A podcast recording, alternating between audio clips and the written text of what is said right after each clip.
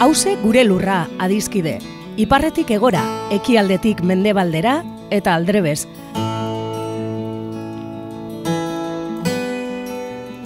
Lurra bakarra dugu edo gaituen lur bakarra da hause. Eta zaintzak dan hori dagokigunez, hemen horretaz egingo dugu berba. Lurraren zaintza kontu ekonomiko, ekologiko eta politikoa da, baita kulturala, kolektiboa eta publikoa.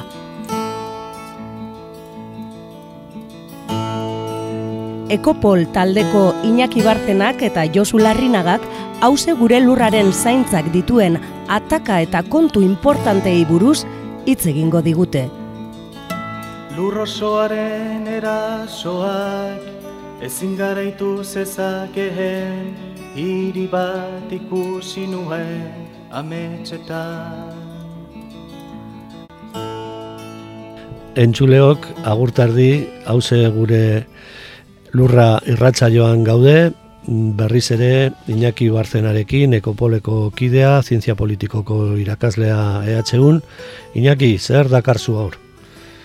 Bueno, gaur e, dugu entropiari buruz eta bueno, ekonomiari buruz eta ekarri dugu irratzaiora ekarri dut e, pertsonai bat, e, Errumaniako e, matematikari bat, e, estadistiko bat, e, ekonomian aditua, Nikolas e, Geurgesku Roegen, e, izen oso oso luzea eta eta bi abizen batera doazenak, ez? Geurgesku Roegen, eta bueno.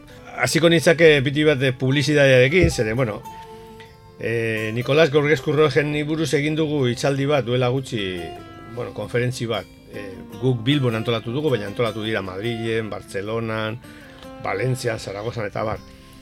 Eta bueno, ba, hori izan da gure bigarre saioa, lehenengo saioa egin genuen, eta bueno, horre irratzaio batean komentatu genuen. E, Lin Margulis buruz, ez? Lin Margulis mikrobiologo estatu batu harraren e, lanei buruz eta ekarpeni buruz egin ditugu itzaldi sorta bat, ba, egin genuen itzaldi bat e, katakraken iruñan, beste bat e, e, Bilboneko etxean, beste bat e, e, andoainen e, eta beste bat e, gazteizen zapatenean, ez? Eta bueno, horre nolabait e, oso interesantea izan da, eta hau da nolabait gure ekopoleko publizitatea, ez? E, Blin Margulizi eskaini dizkiogu ba, balau itzaldi oso interesanteak emakume eta, bueno, eta gizonezko batzuk oso, oso interesgarriak ekarri ditugu, emakume honek ez zuen lortu Nobel saria eta batek daki zergaitik. Ze bere lana gaur egun ja biologiako testuetan bere lanak agertzen dira, ez? Baina agian defenditu zituen, e, bueno, simbiosiaren teoria hori, gaiaren teoria horren ondoan, ez? Bizitzaren evoluzioa ulertarazteko eta kontrajartzen zituen, ba, gaur egun nolabait, e, bueno, biologian e, dauden ba, korronte poteretsuak, ez? E, Richard Dawkins hori izan daiteke osforreko irakaslea bere gen egoista edo... E, bueno, horretaz ibili gara, eta bueno, ba, entzuleak nahi baldin badu, ba, ba podcastetara jo dezala, eta aurkituko du Lin Margulizen gaineko simbiosisen programa, eh? Baina gaurre, bueno, e, Rumania aldera jo dugu, bueno, Rumaldia, edo, est, e, bueno, hau geurgezkurroegen Kostantzan jaiozan, baina gero bere bizitzaren erdia egin zuen estatu batuetan. E, gero, bueno, bigarren mundu gerraren garaian bueltatu zen oso guk antolatutako konferentzian egon ziren e, Joan Martínez Alier, e, ekonomista, ekologista katalanarra, katalandarra, eta baita ere Zaragozatik etorri zen Antonio Valero, e, ingenieroa, eta bion artean oso, bueno, gero garan egin zieten elkarrizketa bat oso gauza interesgarriak bota zituzten eta ba horre sarrikon egindako konferentzia horretan e, nolabait ekarri zuten gogora eta batak bere bizitza azaldu zuen eta besteak bere obra, ez? Eta bere obra nagusia, bere liburu famatuena da entropiaren legea eta prozesu ekonomikoa, ez? Duela berrogeta marrurte e, argitaratu zuen gaur gezkurro bere obra nagusia, Eta horregaitik orain, ba, bueno, ekonomia ekologikoan edo ekologia politikoan aritzen diren, bueno, hainbat eta hainbat irakasle, ba, bueno, antolatu ditugu, antolatu dugu, itzaldi sorta hau, eta, bueno, zergaitik eta interesante hau, ba, liburu horrek e, gizarte zientzietan nolabait e, daukan bueno, ikuspegi eta sakontasuna oso importantea da ekonomiako analizietan ikuspegi berri bat e, ematen duelako, ez? Berak, berak deitzen zuen bioekonomia, ez? Gero nolabait ekonomia ekologikoa bezala geratu dana, ez? Eta interesantea da, ekonomia, ez dakit, flujo e, kapital edo, edo, edo diruaren flujoak az, flujoaz aparte, edo produzioaz aparte, bere oinarri fisiko, biologikoetan oinarritzen dala, ez? Eta, bueno, alde horretatik, interesantea da, ikustea, ba, Rumania jaiotako tipo honek, ba, bueno, e, lehenengo mundu gerra, bere aita militar bazan, eta lehenengo mundu gerran, bueno, tokatu zitzaion ikastea, matematikaria esan, oso ikasleona, eta lortu zituen beka batzuk, eta joan zan sorbenara, frantziara, e, gero Londresera bebai, Londres, eta, bueno, eta gero bigarren mundu gerra e, estanda egiten duenean, bera, oza, bigarren mundu gerra baino lehen, bera bueltatzen da. Hau da, ospe handiko matematikaria da, baina bueltatzen da e, Rumaniara, eta Rumanian e, nahi du bere lan matematiko bere lan ekonomikoa bueno, aurrera dira. Ez zuen lortu, e, bueno, bere atxeti joan ziren, eta sasoiz latzak izan zirenean, eskapatu behar izan zen, estatu batuetara joan zen. Eta estatu batuetan, bere maizu edo bere zakit, besoetara eraman zuen pertsonaia da e, Josef Schumpeter. Schumpeter da ekonomilari oso oso potentea da. Nolabait kapitalismo, sozialismo obra hori egin zuena.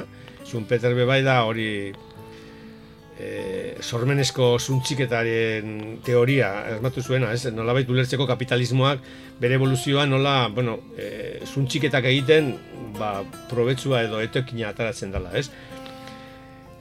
Schumpeter bere, bere irakasle edo bere babeslea. Eta bestalde batetik, bueno, berak sortu zuen hor eskola bat, fama handikoa izan zen, ez zuen izan e, bere teoriak oso, oso kritikoak ziren kapitalismoarekiko.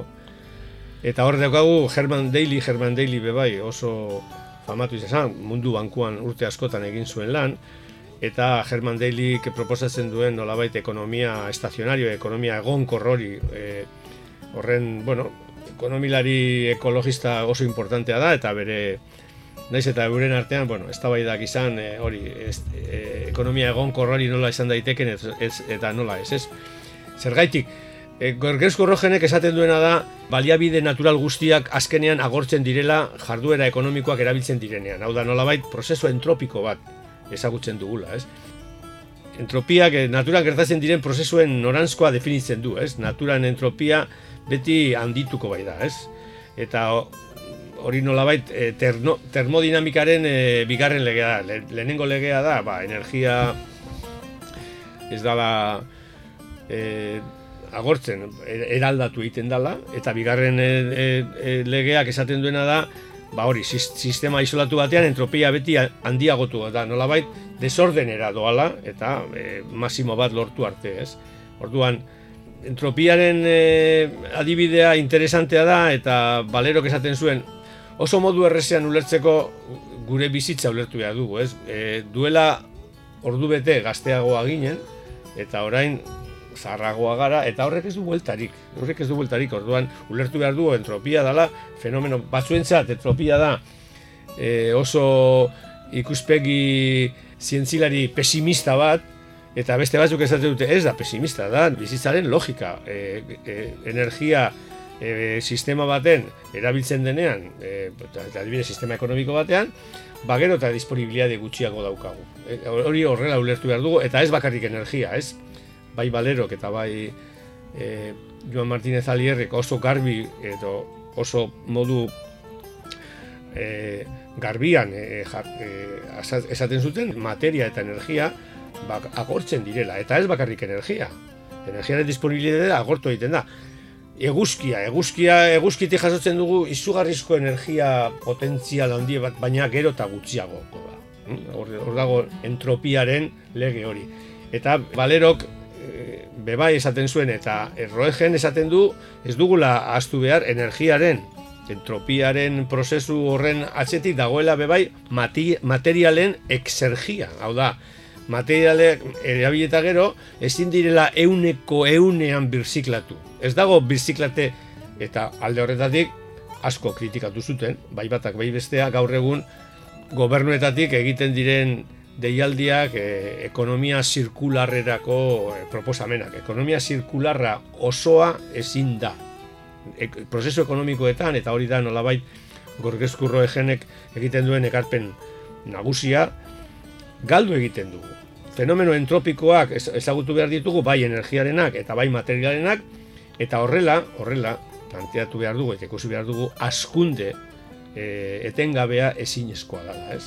Eta horregaitik hauek e, bueno, e, hartzen dute eta niri gustatu jaten asko Gorgesku Rojenek utzitako eredentzia teoriko hori oso oso, oza, duela berrogeta marrurte idatzitako liburu honek gaur egun e, oso oso erabilgarria da e, ulertzeko ze egoera ekonomiko eta ze egoera ekologikoan gauden, ez?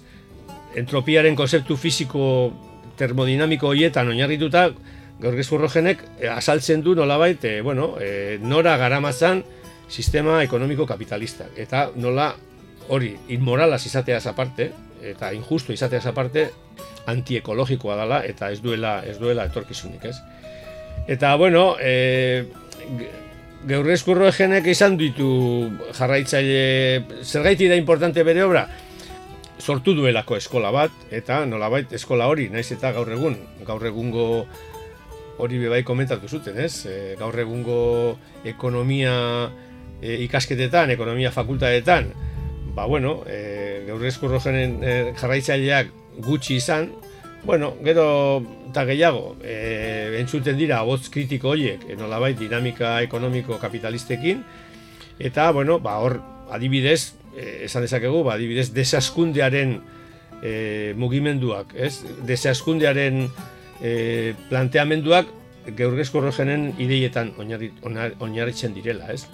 E, gaur egun, e, bai Frantzian, bai Alemanian, bai Italian, bai, bueno, e, Katalunian be bai, Madrilen badaude, Valladoliden adibidez, Oscar Carpintero, que Valladolideko e, ekonomilariak e, argitaratu berri du e, liburu bat, e, ensaios bioekonomikos, eta hor aztertzen du geurgezku rogenen obra, agertzen dute jarrera e, interesante bat ikusteko e, nola, e, bueno, e, e, ekarpen zientifikoa zaratago ekonomiaren gogok eta termodinamiko horiek oso importanteak direla, nolabait, e, bueno, ulertzeko zer gertatzen da e, gure, gure planetan, jarraizen baldin badugu, e, Nikolas Geurrezko Roegenen obra ikusiko dugu, nolabait, e, kapitalismo fosilistaren e, kultura hori, gaur egun pairatzen duguna, bueno, ba, duela ja, perroketa marurte, e, kolokan e, jarrita zegoela, eta bere ideiak eta bere planteamenduak astindu intelektual oso oso interesante izan direla eta horregaitik pentsatzen dugu ba merezi duela ba erreparatzea irakurtzea bai Gaur Eskurrogenen e, obrak eta artikuluak eta baita ere berataz ba bai Martínez Alier, Jose Manuel Naredo eta eta Oscar Carpintero idatzitakoak, ba, gaur egun eh, oso, oso erabilgarriak izan daitezke bai mugimendu ekologistaren txat eta bai beste gizarte mugimenduen e, planteamendutarako, ez? Eta bukatzeko, claro, hasi gara Lin Margulisekin eta bukatu nahi du beste emakumekin, zeren e, Balero eta Joan Martínez Alierrekin ekopole kantatutako itzaldi horretan egon zan Mirene Begiristain. Eta Mirene, Mirene Begiristain da ekonomilari ekologista bat, feminista bat, idatzi e, bere itzaldia izan zen ekonomiarekiko gure harremanak birpentsatuz ekofeminismotik proposamenak, ez? Eta, bueno, ba, lehen esatuten bezala, ez? Gaur egun unibertsitateetan ekonomia ikasten duten horiek e, e, berak esaten zuen, ez? Izeber, izeber moduko, izeber metafora erabil zuen, ez? Nolabait, urraspian, da, e, prozesu ekonomikoen parte nagusi nagusi bat, urraspian dago eta ez da, ez da, ez da azaltzen, ez da, ez da azaltzen nolabait, e, bueno, naturarekiko harremanak edo emakumekiko harremanak eko, e, ekonomian, ez? As, asunto ekonomikoetan, bueno, atal hoiek, atal nagusi hoiek iksultatu daude, ez dira ikasten, pitike pitike ari dira sartzen, izirriketuak zabaltzen, baina bueno, hori urrengo beste irratzaio batean ekonomia feministari buruz eta e, gure ikastetxetan e, bueno, agertzen ez diren gai horietaz ba, arituko gara. Edertu inaki, e, ni beti bitxia iruditu zait, e, bueno, hori, gizarte zientzietan aritzen garen beti daukagula alako bueno, komplejoa naturaren zientziekin, ez da egia da ba, laborategiko esperimentazioa, beak eta bebai, eta, bueno, hori, gizarte zientzietan problematikoagoa da, autorreflexibidadea dago bebai, gizakiok, gizakiok, e, e, gizakiok, gizakiak ikertzen baldin baditugu, gizakiak ere badakite ikertuak direla, eta bueno, hor daukagu, hor ditugun problemak dira, ezta? Baina beti iruditu zei bitxia, e, hain zuzen ere, ekonomia, gizarte zientzien artean, sozialena, e, dena, ba, nola bai liberatzen dela e, kontu hietaz, ez da? Eta askotan badirudi matematikarekin harreman handia daukalako, ba, gizarte zientzia esaktona, eta askotan gizarte zientzia dela ere ahaztu egiten da ekonomiaren kasuan, eta kurioso iruditen zaitze, benetan, e, ez bakarrik e, natura e, anulatzen duela, inkluso ere gizakia ekonomia konbentzionalak gizakia ere ahaztu egiten da, ez da, suposatzen du gizaki guztiok portaera bakarra dugula, hau da, gure onbera bilatzen dugula eta hori dela gure zera guztia, eta orduan, ba, beste guztia jada zenbakiak egitea ba, joera ekonomikoei buruz ez da, eta orduan alde horretatik hori ba, elemento asko kanpoan uzten du, eta batez be uzten du kanpoan hori da natura eta ekosistemak eta bizigaren planeta eta bizigaren planetaren eta inguru giru biziaren e, e, ezagurri guztiak e, e, apartu ditu, ez da, anulatzen ditu. Eta orduan, bueno, ba, zentxorretan iruditu zaite interesgarria Gregorrez kurro jenen zera, ze berak azkenean prozeso naturalak e, kokatzen ditu bere asnarketaren erdian, eta planteatzen du hori egin behar duela ekonomia. E, ondu lertu badut. Bai, bai, e, gaur, e, bueno, irratzaioaren hasieran publizitatea egin dugu, publizitatearekin jarraituz, adibidez, ekopol ikertaldean dagoen ikuste dut, eh, doain nagusia da e, transdisciplinaridadea edo interdisciplinaridadea. hor, e, gizarte zientzietakoa gaude, ingenieroak daude bebai, ekonomilariak, e, badaude fizikariak, eta zientzia alor diferentetakoak ikuspegi diferenteekin gauza bateratuak egiteko, ez? Eta, gerrezurregen matematikaria zan, estadistikoa zan, baina konturatzen da e, ekonomian egiten diren trampak trampak e, neurketak egiterakoan eta berak esaten du hau ezinezkoa da. Zuek egiten dituzuen planteamento matematiko horiek guztiz faltzuak dira zer ez dute kontutan hartzen muga fisikoak. Paperak dan aguantatzen du eta zu paper baten gainean egin dezakezu nahi dizun arik, ariketak. Baina ariketa horiek eros sostengu e, material fisiko bat eta erreparatzen baldin badugu lurra oso handia dela, eguzki oso handia dela, baina alanda guztiz ere mugatuak direla, ezin duzu estrapolatu zure produzio e, sistema horiek e, etengabe. Hm? Orduan, e, hori da, nolabait berak planteatzen duena, ez? Ekonomiak beti oinarri fisiko-biologiko bat behar duela, e, eta horregaitik bere obra oso oso oso importantea da. Eta gaur egun, pairatzen dugun krisi sozioekologiko hontan, ba hori da guztiz funtsezkoa, ez? E, nire ustez e, hor daukagu e, bueno, ba nolabait e, egia da, daukagun egoera e, modu zientifiko baten e, aztertu behar da. Ezin da e, asmakizunetan eta nire ustez gaur egun inoiz baino gehiago zientziak babesa ematen dio ekologismoari. Hau da, e, ekologistek planteatu dituzten e, e, triskantzen aurreko irtenbideak zientzilarien laguntzarekin nolabait ari dira alternatibak e, planteatzen, ez? Orduan, bai, zientzia hor dago, ez? Lagungarri moduan. Zientzia erabili da ere bai, e, modu guztiz kontrakoan. Hau da, zientzia batzuk erabili dira bioteknologia edo edo fisika edo dela delakoak justifikatzeko e, ikusi ditugun bide ba, ez dakit, e, guzti zerratuak, ez?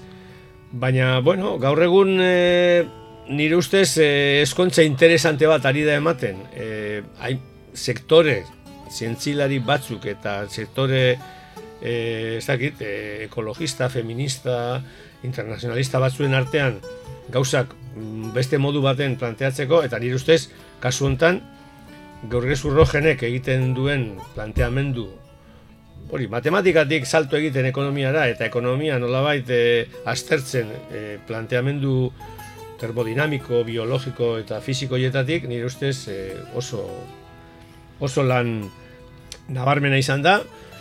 Oneri behez ez zioten eman Nobel saririk e, naiz eta ekonomilari punta punta koa izan bueno, baina bueno, bere obra gogoratzea eta bere izena eta e, ekartzea programa honetara nik uste dut gauza handia da Edertu inaki, ba, eskontxetan e, musika jartzaileak ezinbestekoa dira bebai, eta ekopolen e, batzuk behintzat ba, daukagu gusto ona musikarako, ze kanta ekarri diguzu gaur? Bueno, ba, hori, entropiaren kontrako kanta bat. E, nola baita esan da, hori, kanta zahar-zahar bat, e, Australiako, ez igual, kantarik e, famatuena dana, Australiako himno bezala proposatu dutena batzuk, Eta da, nola bait, e, merezigarren mendearen bukaera, ba, bueno, ba, olako, ba, gure iparragirre moduko batek egindako kanta, e, Waltzin Matilda da, ez? Waltzin Matilda da kanta bat Australian oso oso esanguratzua dana, nola bait, eh, hori, ibiltari batek e, dituen sucedido edo pasadizoak e, poliziekin adibidez.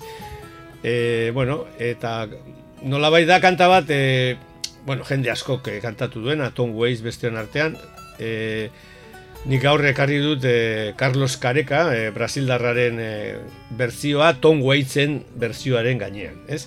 Eta nire ustez, bueno, hori, kanta bat e, nola baite, esaten dut entropiaren kontrakoa, zere, bueno, denbora pasatzen da, baina kanta honek mm, biziri jarraitzen du, eta oraindik e, badu, badu zentzu handia batez ere, nola baite, barrikadaren alde batean bizi garenok e, elite poterezuen kontra nolabait eh, gure sentimenduak adirazteko.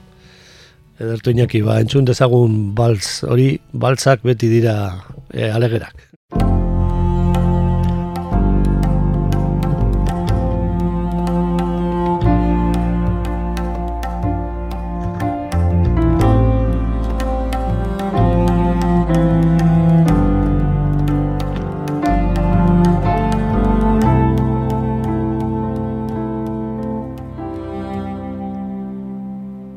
Cansado e ferido,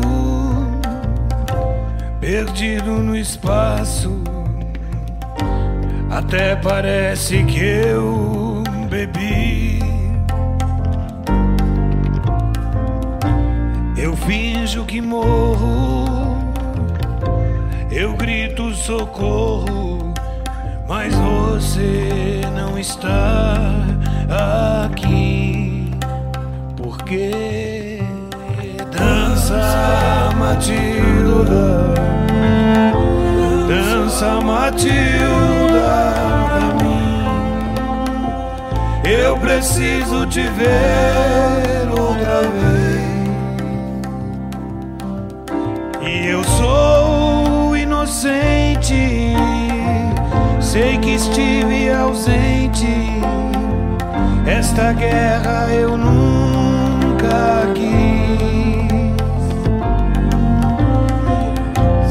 falo tua língua, se não és bem-vinda, é que meu país precisa lutar. Então, dança, Matilda, dança, Matilda, pra mim. Eu preciso te ver outra vez.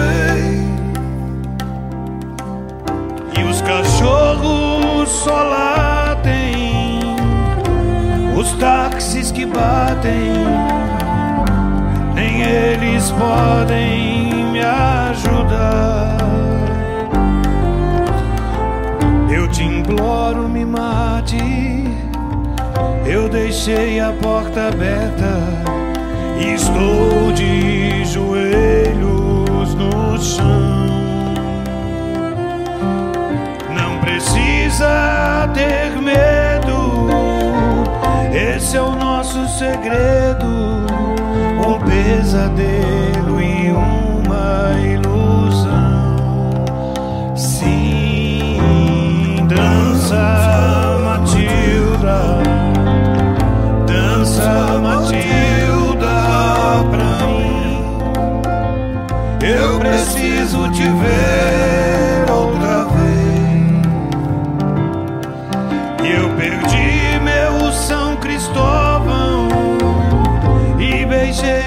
beijei a mocerada.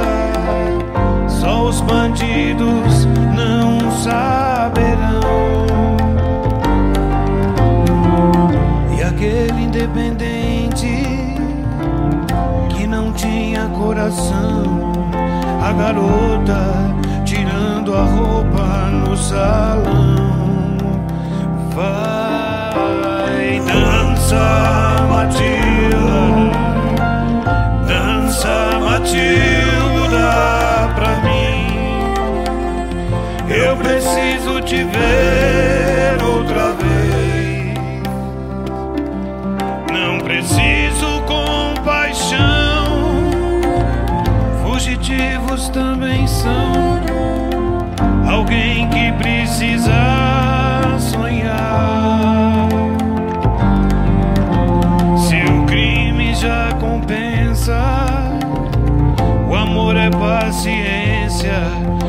Faz agora alguma oração. Vem, dança, Matilda. Dança, Matilda, pra mim. Eu preciso te ver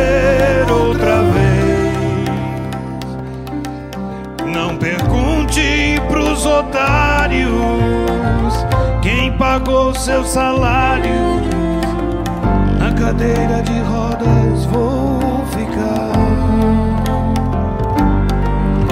E Matilda acusada não tem medo de nada. Ela vai aonde você for. Assim, dança, Matilda. Dança,